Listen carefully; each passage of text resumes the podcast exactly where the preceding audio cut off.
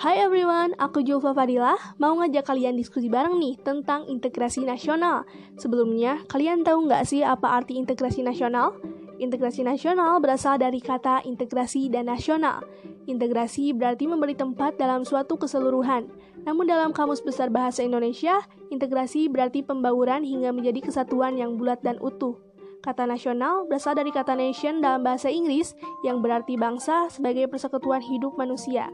Integrasi nasional merupakan proses pempersatu bagian-bagian, unsur atau elemen yang terpisah dari masyarakat menjadi kesatuan yang lebih bulat, sehingga menjadi satu nation atau bangsa.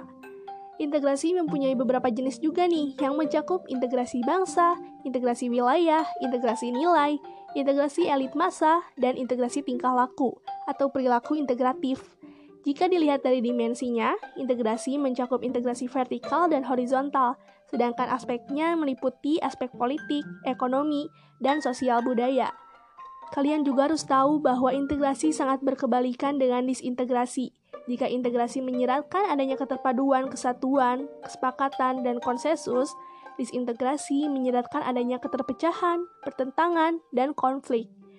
Model integrasi yang berlangsung di Indonesia adalah model integrasi Imperium Majapahit, model integrasi kolonial, model integrasi nasional Indonesia.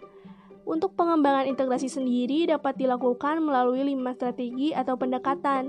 Yang pertama, adanya ancaman luar negeri, gaya politik kepemimpinan, kekuatan lembaga-lembaga politik, ideologi nasional, dan kesempatan pembangunan ekonomi.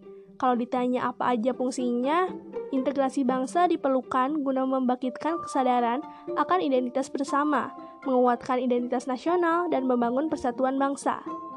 Sekian aja dari aku, makasih.